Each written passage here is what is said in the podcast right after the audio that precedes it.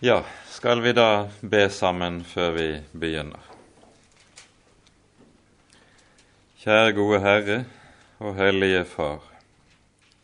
Så takker og lover vi deg at vi skal få lov til å komme sammen på ny. Samles i ditt hellige navn, samles om ditt dyrebare ord.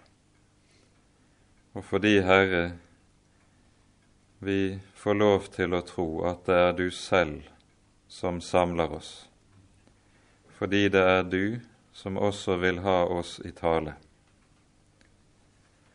Og derfor, Herre, har vi frimodighet til å be deg, at du vil komme med din Hellige Ånd og bo midt imellom oss, og at du vil åpenbare ordet ditt for oss så vi kan lære å tro deg og frykte deg.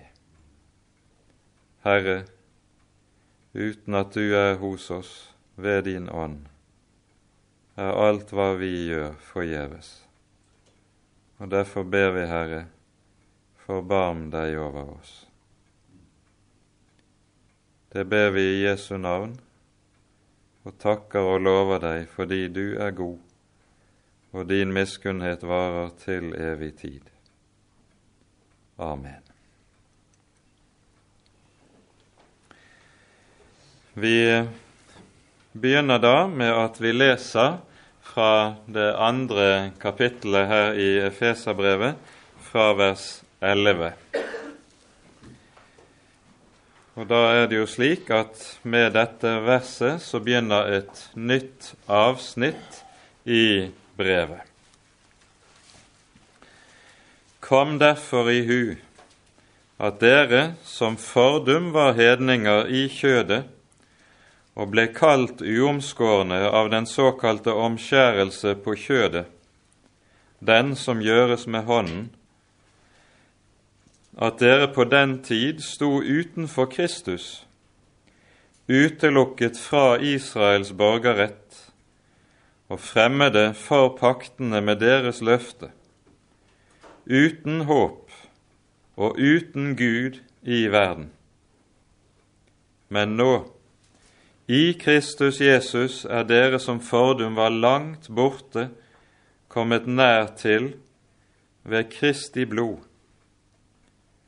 For Han er vår fred, Han som gjorde de to til ett og nedrev gjerdets skillevegg, fiendskapet. Idet han ved sitt kjød avskaffet den lov som kom med bud og forskrifter, for at han ved seg selv kunne skape de to til ett nytt menneske, idet han gjorde fred, og forlike dem begge i ett legeme med Gud ved korset, idet han på dette drepte fiendskapet. Og han kom og forkynte fred for dere som var langt borte, og fred for dem som var nær ved. For ved ham har vi begge adgang til Faderen i én ånd. Så er dere da ikke lenger fremmede og utlendinger, men dere er de helliges medborgere og Guds husfolk, dere som er bygget opp på apostlenes og profetenes grunnvoll, mens hjørnesteinen er Kristus Jesus selv, i hvem hver bygning føyes sammen og vokser til et hellig tempel i Herren, i hvem også dere bygges opp med de andre, til en Guds bolig i Ånden. Amen. Det avsnittet som apostelen her tar til med, det er et avsnitt der Paulus behandler det som var et veldig problem i den første kristne menighet, nemlig forholdet mellom jøde og hedning. Selv om det nemlig var slik at Jesus i misjonsbefalingen hadde sagt 'Gå ut i all verden og gjør alle folkeslag til disipler', så ser vi, når vi kommer til apostelgjerningene, at det å gå til hedningene og forkynne evangeliet for hedningene, og så inkludere hedningene i det første kristne fellesskap, det var noe som ikke var selvsagt og ikke gikk av seg selv. Tvert om, Peter måtte ha en Guds særlige åpenbaring før han begynte å forkynne evangeliet for hedningene. Det er det vi hører om i apostelgjerningenes tiende kapittel, der Peter kommer og forkynner evangeliet i Kornelius' hus, og så er Kornelius den første hedning som får budskapet i evangeliet og lukkes inn i den kristne menighet. Og fordi dette var så vanskelig for de første kristne, apostlene som jo var jøder, så ser vi at Herren ikke bare først må gi Peter en særlig åpenbaring og et fingerpek og si det kommer noen og skal be deg om å få høre, du skal følge dem. Men når han står i Kornelius' hus og forkynner evangeliet, så lar Gud, når Peter står og taler, så lar han Ånden falle over tilhørerskaren som sitter der, av hedninger. La Ånden falle over disse på en så synlig og håndgripelig måte at ingen av de tilstedeværende kan være i den aller ringeste tvil om at ved det som her skjer, så lukker Gud nå hedninger inn i sitt rike. Og at dette var noe av et problem for den første kristne menighet, det ser vi av at nettopp her i slutten av det tiende kapittelet i apostelgjerningene så står det at Jødene som var sammen med Peter og var vitne til dette, de ble forferdet da de så at Ånden falt over hedningene. Og Ånden falt over dem uten at de var døpt, uten at de var omskåret.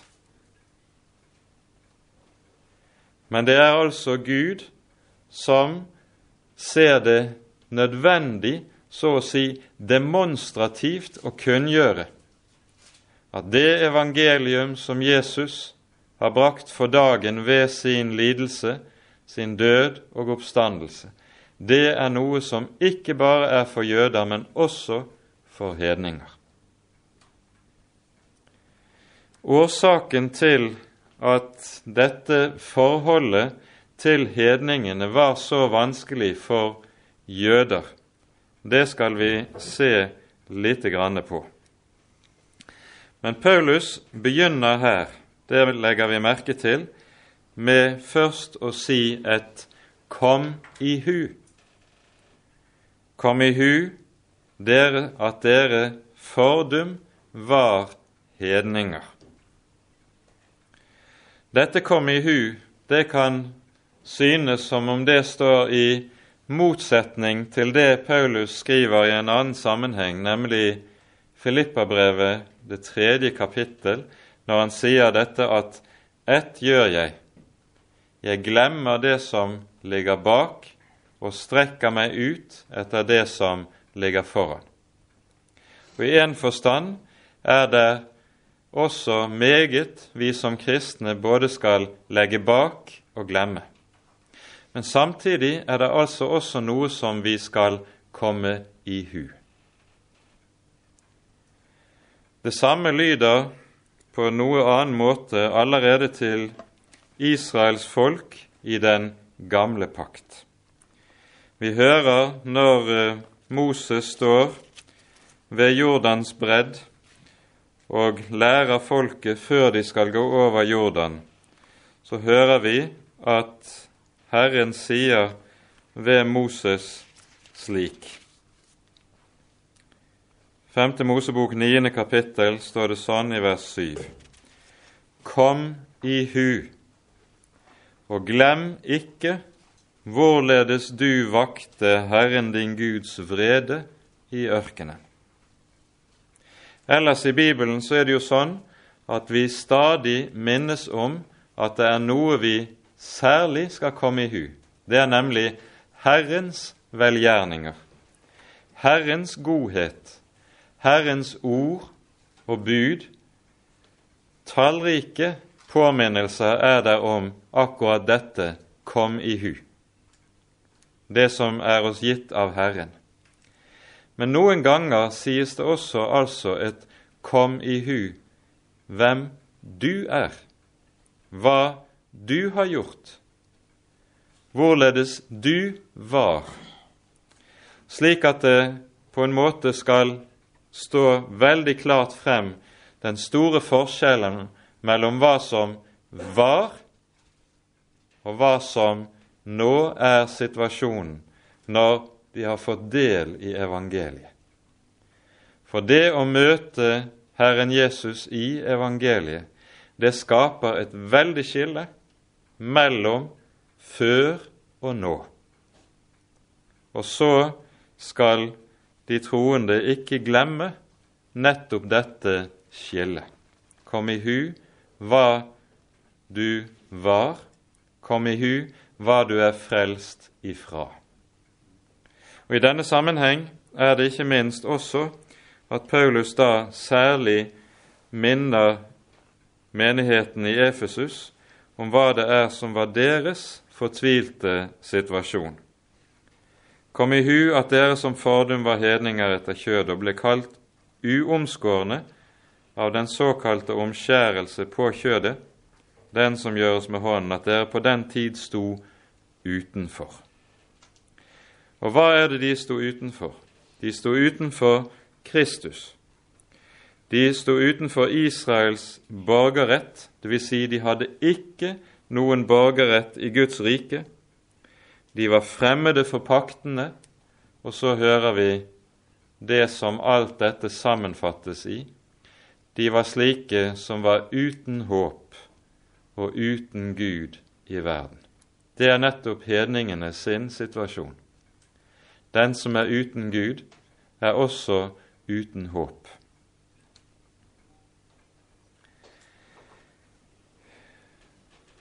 Når det her sies, så peker apostelen på noe som er et skille som er satt inn i historien og mellom folkene, og som er satt der av Gud selv.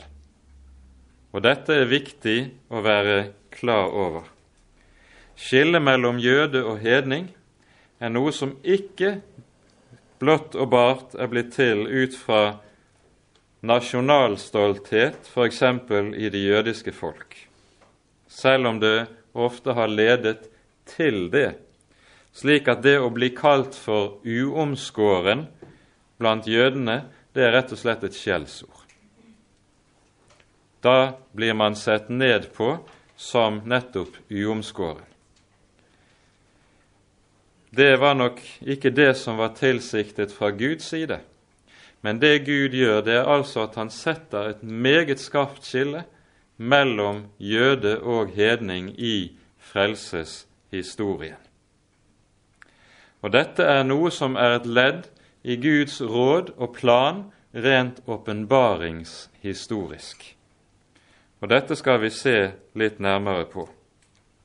Men det kommer til syne i en rekke sammenhenger også i Det nye testamentet. Dere vil huske f.eks.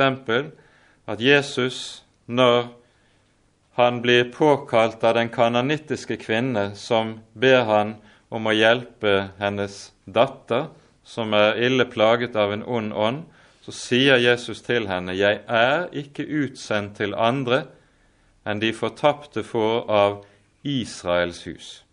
Etter Guds råd så skulle han ikke gå til hedningene. Og når vi hører i Matteusevangeliets tiende kapittel at eh, Jesus sender ut disiplene i flokker for at de skal forkynne evangeliet rundt i Israels byer, så får de klar befaling om de skal ikke gå på veien til hedningene, men kun begrense sin virksomhet til det jødiske folk, til Israels hus. Men dette er altså et skille som er satt inn i historien av Gud selv.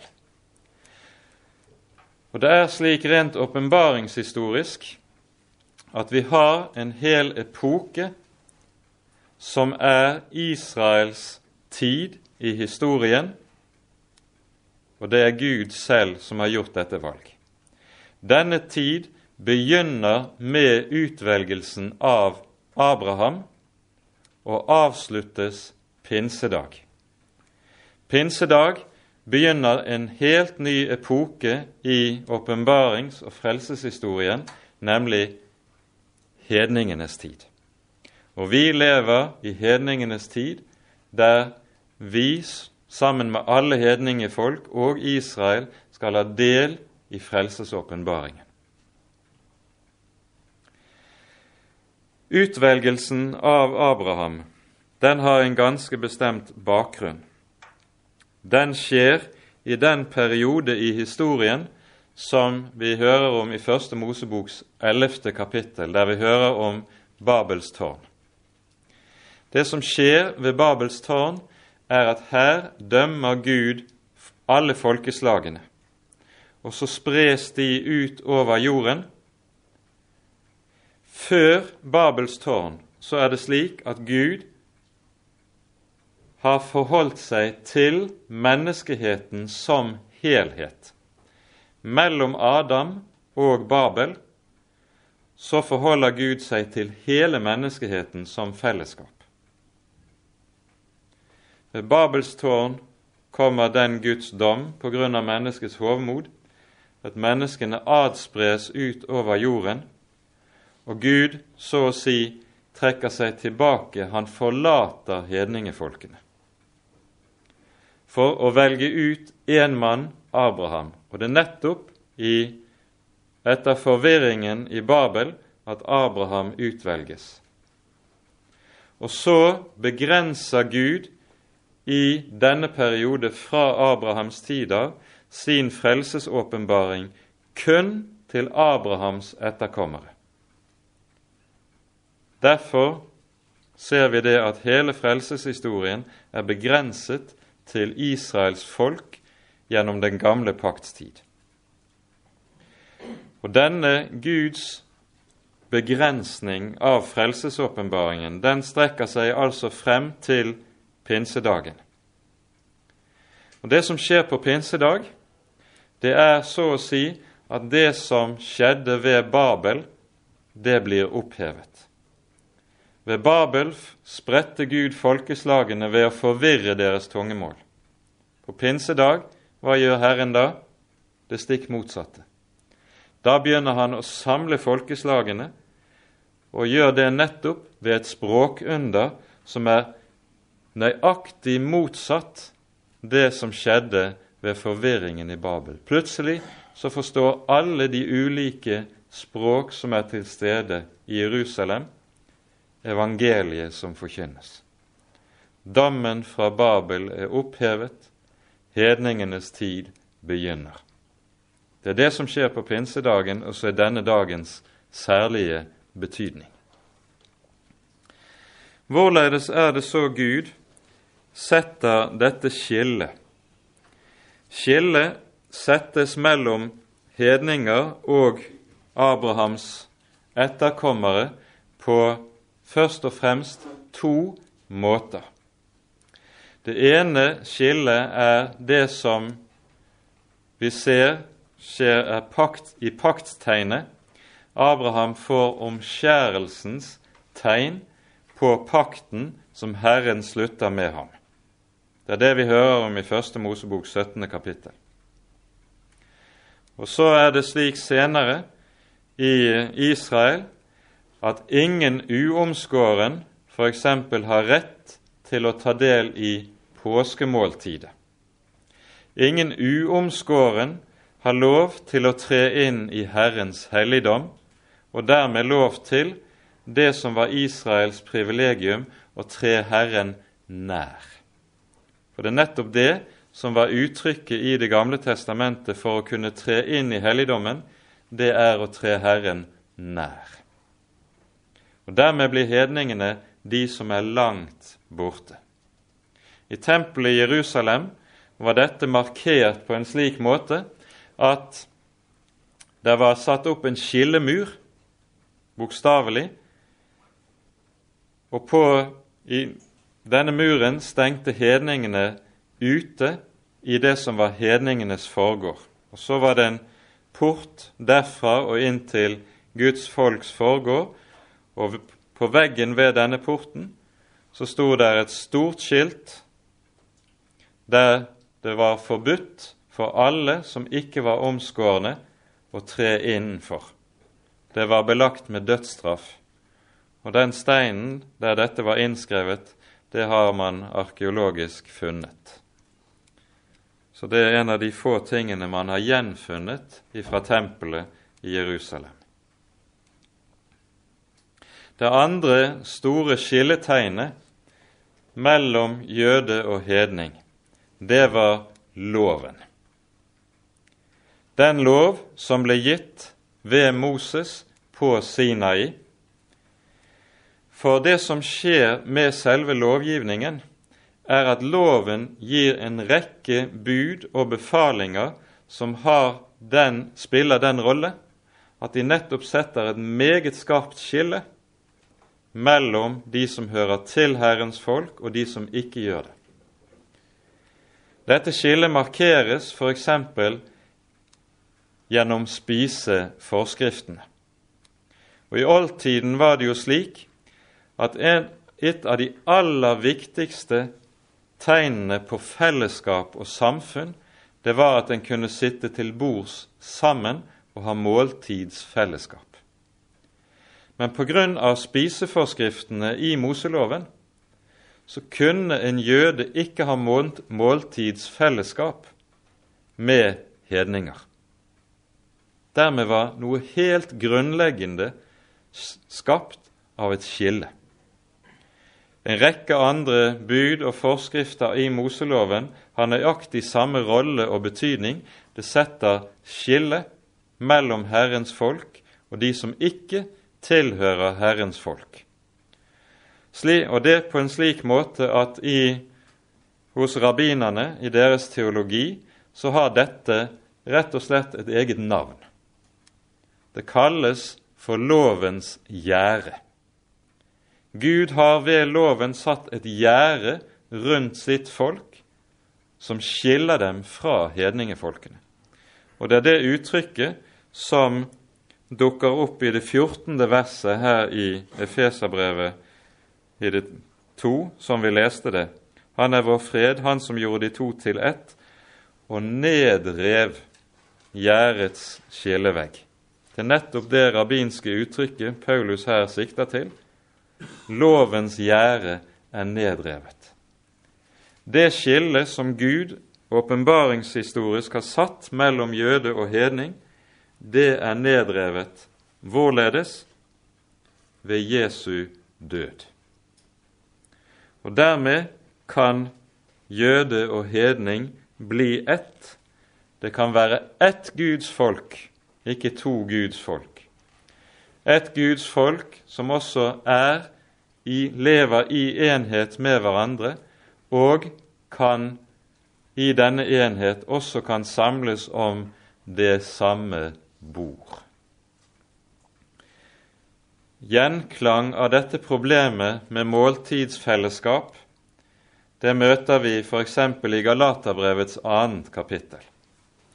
Der hører vi at Peter, når han kom til Antiokia, så åt han sammen med sine hedningekristne feller.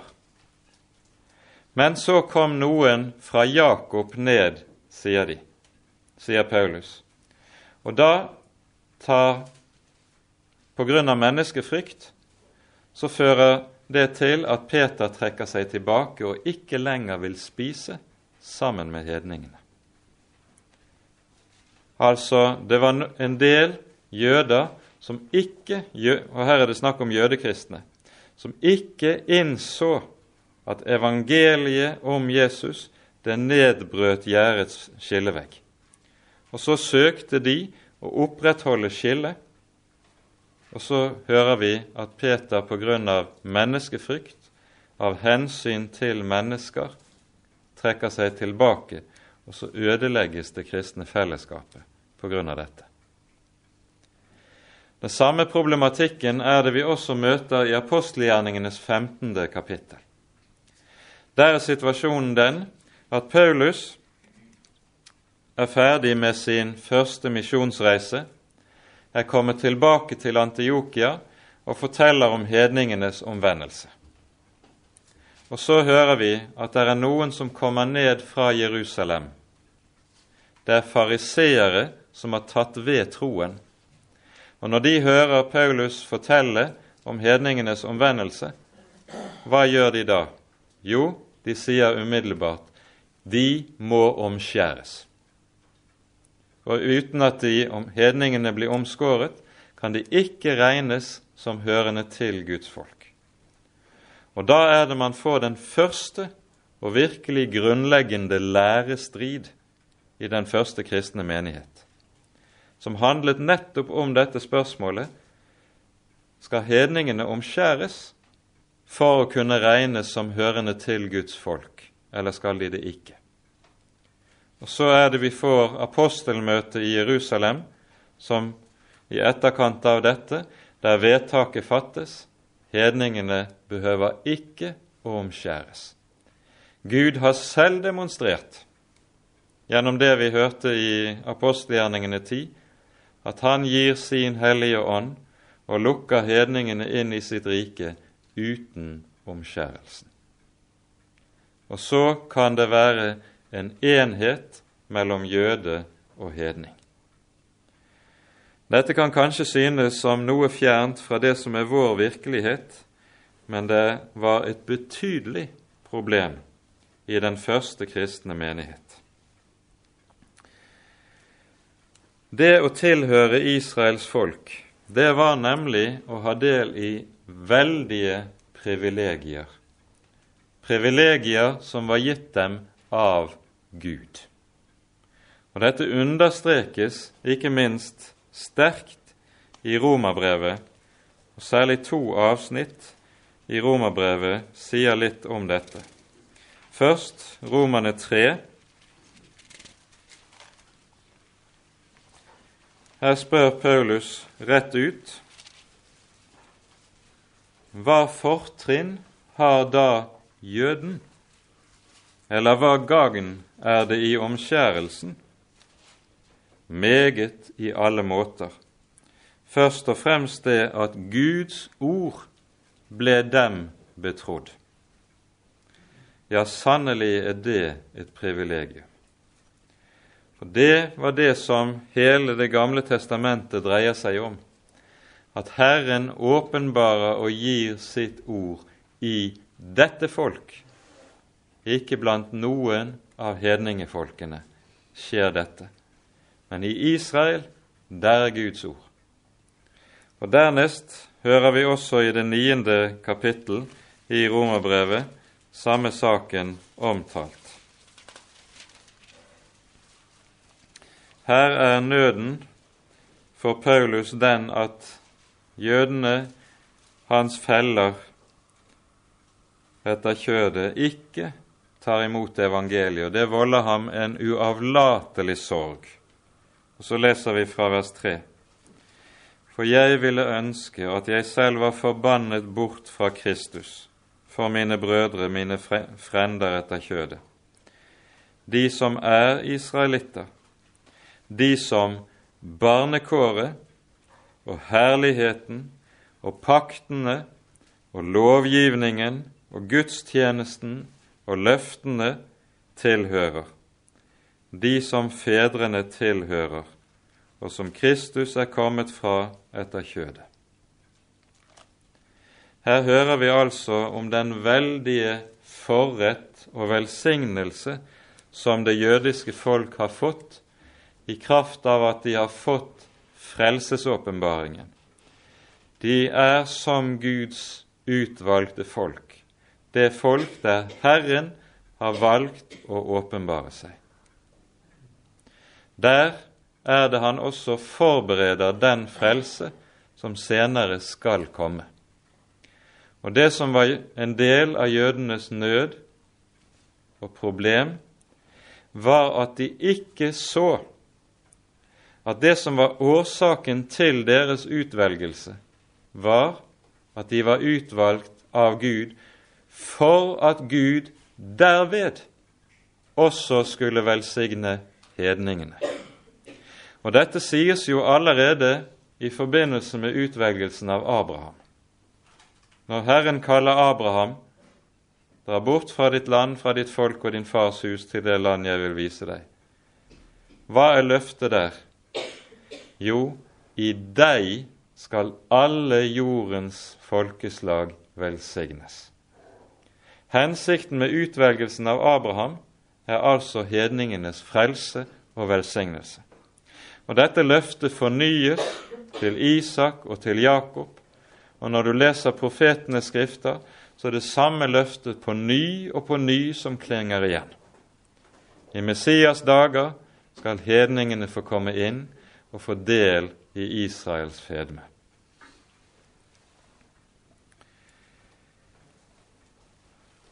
Det å være en hedningekristen, hva er da det? Det betyr ikke at vi som er hedninger, kommer til å ta Israels plass i åpenbaringshistorien. Det har vært en type teologi som gjentatte ganger har dukket opp i historien, der man sier at Gud har forlatt det jødiske folk og Kirken er det som nå har erstattet Israel. Dette kalles jo også for erstatningsteologi, men det stemmer ikke med den bibelske åpenbaring. Det som er forholdet, er at Bibelen her bruker et bilde for hvordan forholdet er mellom oss som hedningekristne og Israel som folk. Det bildet er det vi hører om i Romerbrevets ellevte kapittel, der Paulus behandler dette særlig. Og Bildet handler om at Israel avbildes under symbolet oljetreet. Og det å få lov til å bli et Guds barn, hva er det? Det er at vi som er hedninger, så å si er som grener og kvister som brytes av det treet, den stammen vi naturlig har tilhørt, og så podes vi inn på oljetreet på Israel, sånn at vi får del i oljetreets fedme og rikdom. Vi leser fra Romerbrevet, fra det um, 15. kapittel. Nei, unnskyld, Romerbrevet kapittel 11 fra det 15. verset. Er verden blitt forlikt med Gud ved deres forkastelse, altså ved Israels forkastelse? Hva annet vil den da deres antagelse bli enn liv av døde? Men er førstegrøden hellig, da er deigen det òg, og er roten hellig, da er grenene det òg. Om nå allikevel noen av grenene ble avbrutt, og du som var en vill oljekvist, ble innpodet blant dem og fikk del med dem i oljetreets rot og fedme. Da ros deg ikke mot grenene, men hvis du roser deg, så er det dog ikke du som bærer roten, men roten som bærer deg.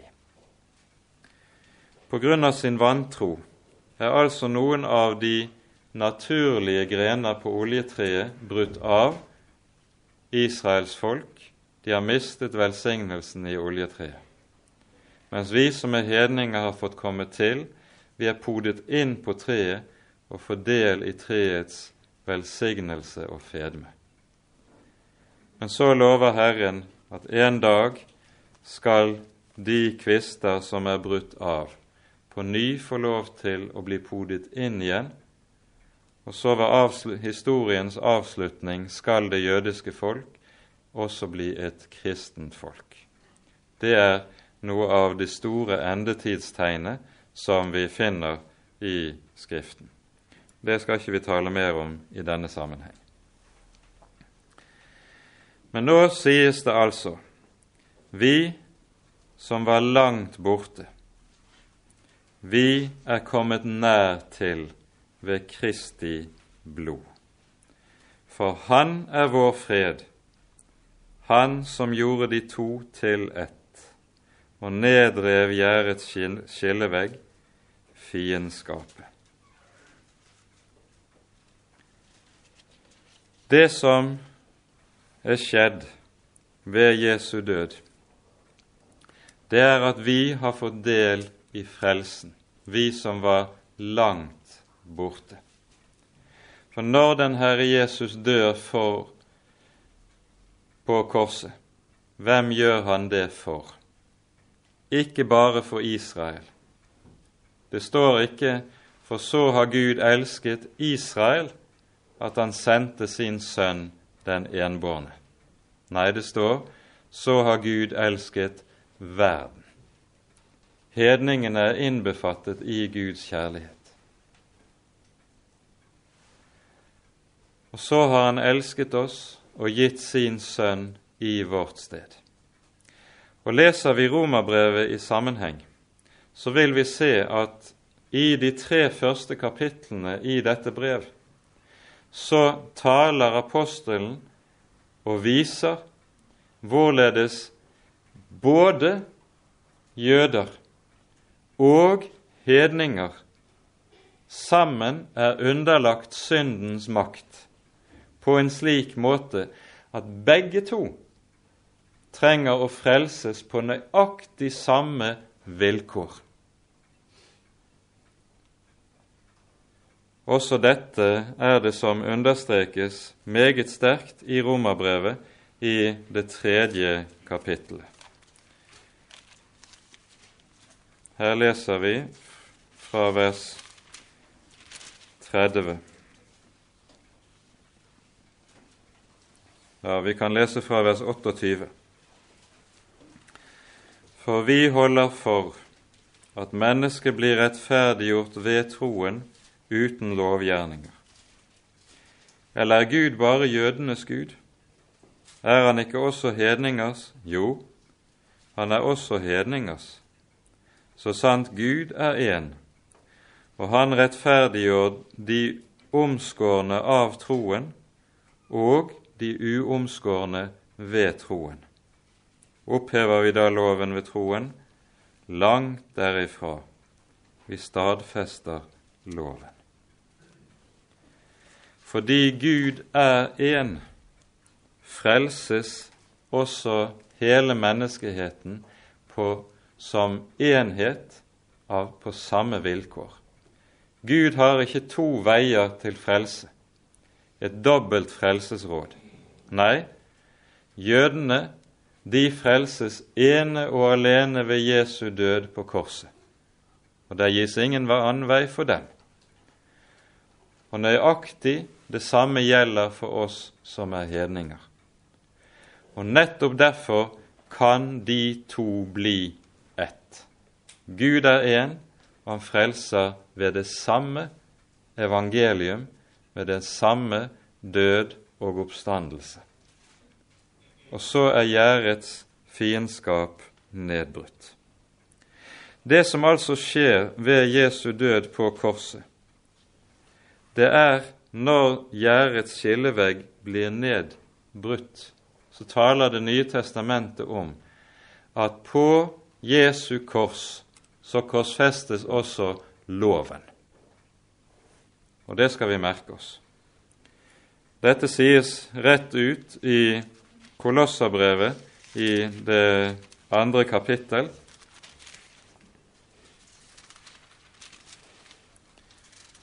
i disse ordene som vi ikke fort skal bli ferdig med å grunne over. Kolosserbrevet 2, vers 13 og 14. Også dere som var døde ved deres overtredelser og deres kjøds forhud. Dere gjorde han levende med ham, idet han tilga oss alle våre overtredelser og utslettet skyldbrevet mot oss, det som var skrevet med bud, det som gikk oss imot, det tok han bort idet han naglet det til korset. Noe av hemmeligheten i det som skjer på korset, er at loven som skillemur altså korsfestes der. Loven som skillemur mellom jøde og hedning, men også loven som skillemur mellom Gud og menneskeheten som helhet. Og så gjøres loven sin skillemur til intet. Og Derfor er det at Paulus skriver som han gjør i Romerbrevets tiende kapittel Kristus er lovens ende til rettferdighet for hver den som tror. Egentlig skulle det oversettes 'Kristus er lovens ende mål', for det er ham loven sikter frem imot, det er ham loven peker hen imot og forbereder sitt komme til. Kristus er lovens ende mål, til rettferdighet for hver den som tror for jøde og for hedning, begge to. Med dette så ser vi noe helt grunnleggende komme for dagen, nemlig at ved korset skaper Gud en ny enhet, Guds folk. Jesu kors er altså det som er opphavet til enheten i Guds menighet. Og det er det neste vi skal merke oss. Derfor var det vi sang salmen som vi sang også innledningsvis. Kristne, la oss søke sammen. Én ånd, én tro, én Herre, én dåp, osv. Alt er grunnet i Kristi kors. Derfor er det Paulus skriver som han gjør det i Galatane 3, der vi leser i vers 28 slik. Her er ikke jøde eller greker, her er ikke trell eller fri, her er ikke mann og kvinne, for dere er alle én i Kristus. Jesus døde for alle. I Jesu kors er vi alle samlet til ett, og han tar som enhet alle synd og skyld på seg, og så skapes den nye menneskehet. For det er det den kristne menighet er. Det er stammen til en ny menneskehet. Den første hadde sin arv ifra Adam og er ett i ham, midt i alt annet som skiller. Den nye menneskehet springer ut av den annen Adam, som Jesus kalles, og er samlet i ham. Og så sier Jesus i Johannesevangeliet slik.: Når jeg blir opphøyet fra jorden, vil jeg dra alle til meg. Og han døde for å samle til ett alle de Guds barn som var spredd omkring. Slik sies det i Johannes evangeliet. Og dermed blir Jesus vår fred. Fred i dobbelt forstand av ordet. Han blir både fred, vår fred, når det gjelder forholdet til Gud. Men han blir også vår fred i det han skaper enheten menneskene imellom. Og Legg merke til at det sies her ikke at Jesus gir fred, men at han er vår fred, som altså er noe langt mer. Freden er med andre ord noe som ikke kan skilles fra Kristi person. Eier du Jesus, så eier du også freden i ham og med ham. Derfor er det han også heter fredsfyrsten. Jeg tror vi tar oss tid her til å lese et par viktige vers til dette fra Det gamle testamentets løfter som peker fremover mot ham. Først fra profeten Mika i det femte kapittel.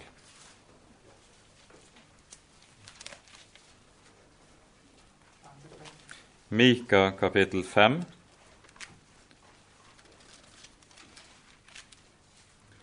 Det er i dette kapitlet vi hører løftet om at Messias skal fødes i Betlehem. Men du, Betlehem Efrata, som er liten til å regne, regnes med blant Judas tusener, av deg skal det utgå for meg en som skal være hersker over Israel, og hans utgang er fra fordum, fra evighetsdager. Så hører vi fra vers 2 om hvorledes Guds folk Israel skal overgis til trengsel og nød i perioden før han kommer, og så sies det i vers 3.: Han skal stå og vokte sin jord i Herrens kraft i Herren sin Guds navns høyhet, og de skal sitte i ro.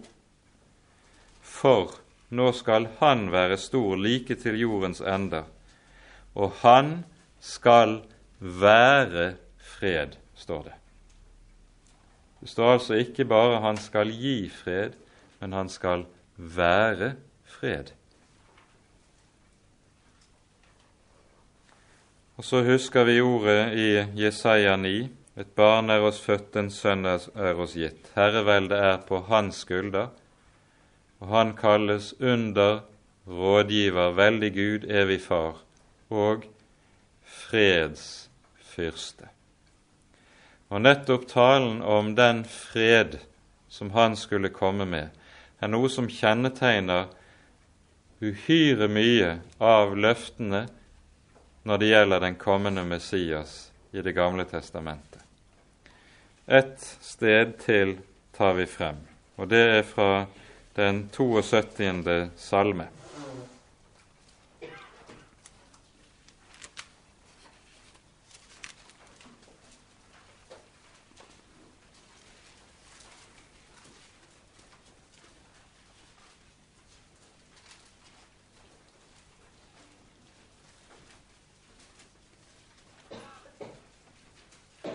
Denne salmen handler i sin helhet om den kommende Messias og hans gjerning. Vi leser et par vers herfra, vers seks og syv. Han skal komme ned som regn på en nyslått eng, lik en regnskur som hveter jorden. I hans dager skal den rettferdige blomstre og der skal være megen fred inntil månen ikke er mere. Hele salmen handler for så vidt om freden han skal bringe inn i forferdede menneskers hjerter og menneskers liv.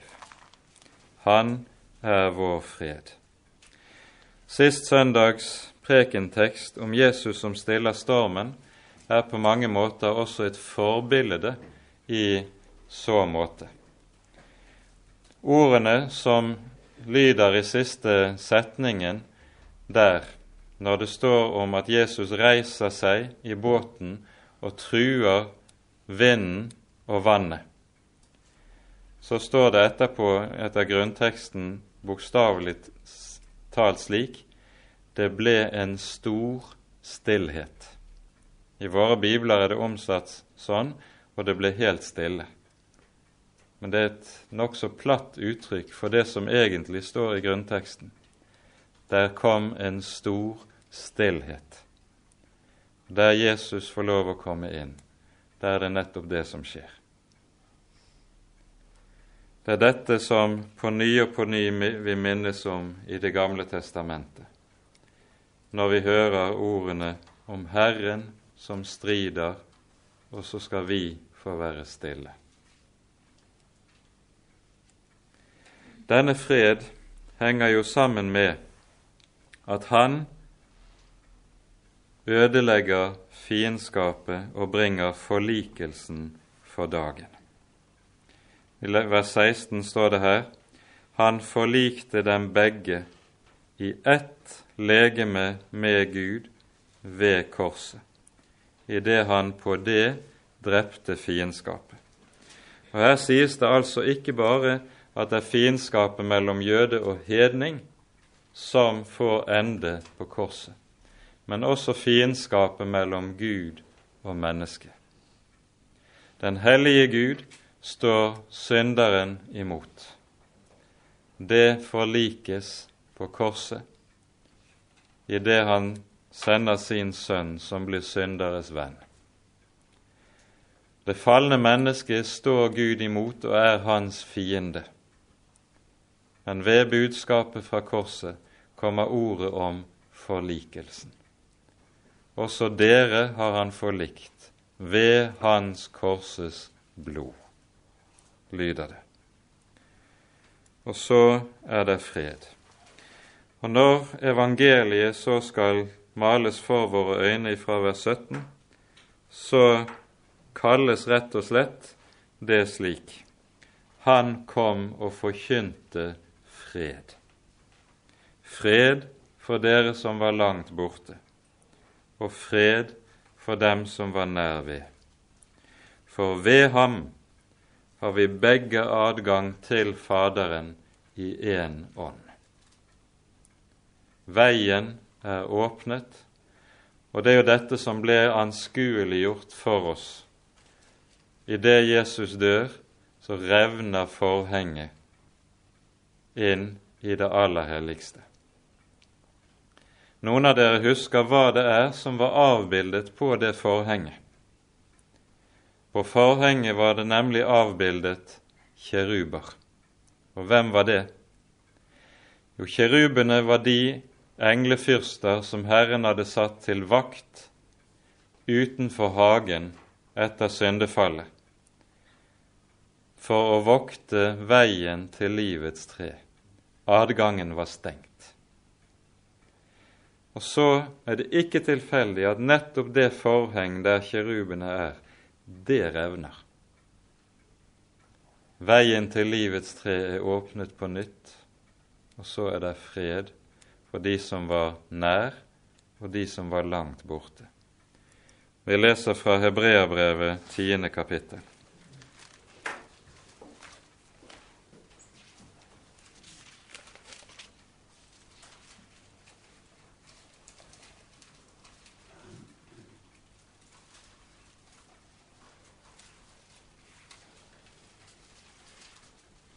Vi leser fra vers 19 av. Hebreerne 10 fra vers 19. Da vi altså, brødre, i Jesu blod har frimodighet til å gå inn i helligdommen, som Han har innviet oss en ny og levende vei til gjennom forhenget, det er Hans kjød. Og da vi har en så stor prest over Guds hus, så la oss tre frem med sandru hjerte la oss tre frem. Døren inn til Han som er den hellige Gud, står der ikke lenger adgang forbudt for uvedkommende, men tvert om, veien er åpen. Kom, for alt er ferdig. Og så blir evangeliet nettopp dette. Budskapet om fred og forsoning i Jesu Kristi blod.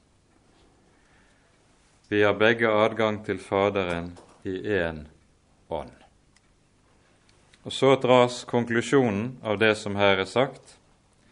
Så er dere da ikke lenger fremmede og utlendinger, men dere er de helliges medborgere og Guds husfolk Altså, det betyr at vi som er hedninger, også kalles Abrahams barn. Dere husker Jesus sier den siste kvelden han er sammen med disiplene, deres hjerte forferdes ikke og reddes ikke. Tro på Gud og tro på meg. Jeg går bort for å gjøre i stand sted for dere. Og når jeg har gjort i stand sted, da vil jeg komme og ta dere til meg igjen, for at også dere skal være der jeg er.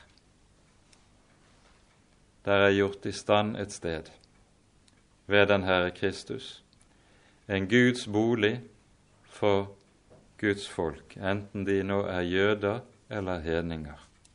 Så har vi ett hos ham. Og så blir det dypt symbolsk dette at Jesus i sitt jordiske yrke var tømrer, en som bygget hus. For med sin død og med sin oppstandelse så bygger han det nye hus, det evige hus, der også vi skal få lov til å kalles Guds husfolk og de helliges medborgere.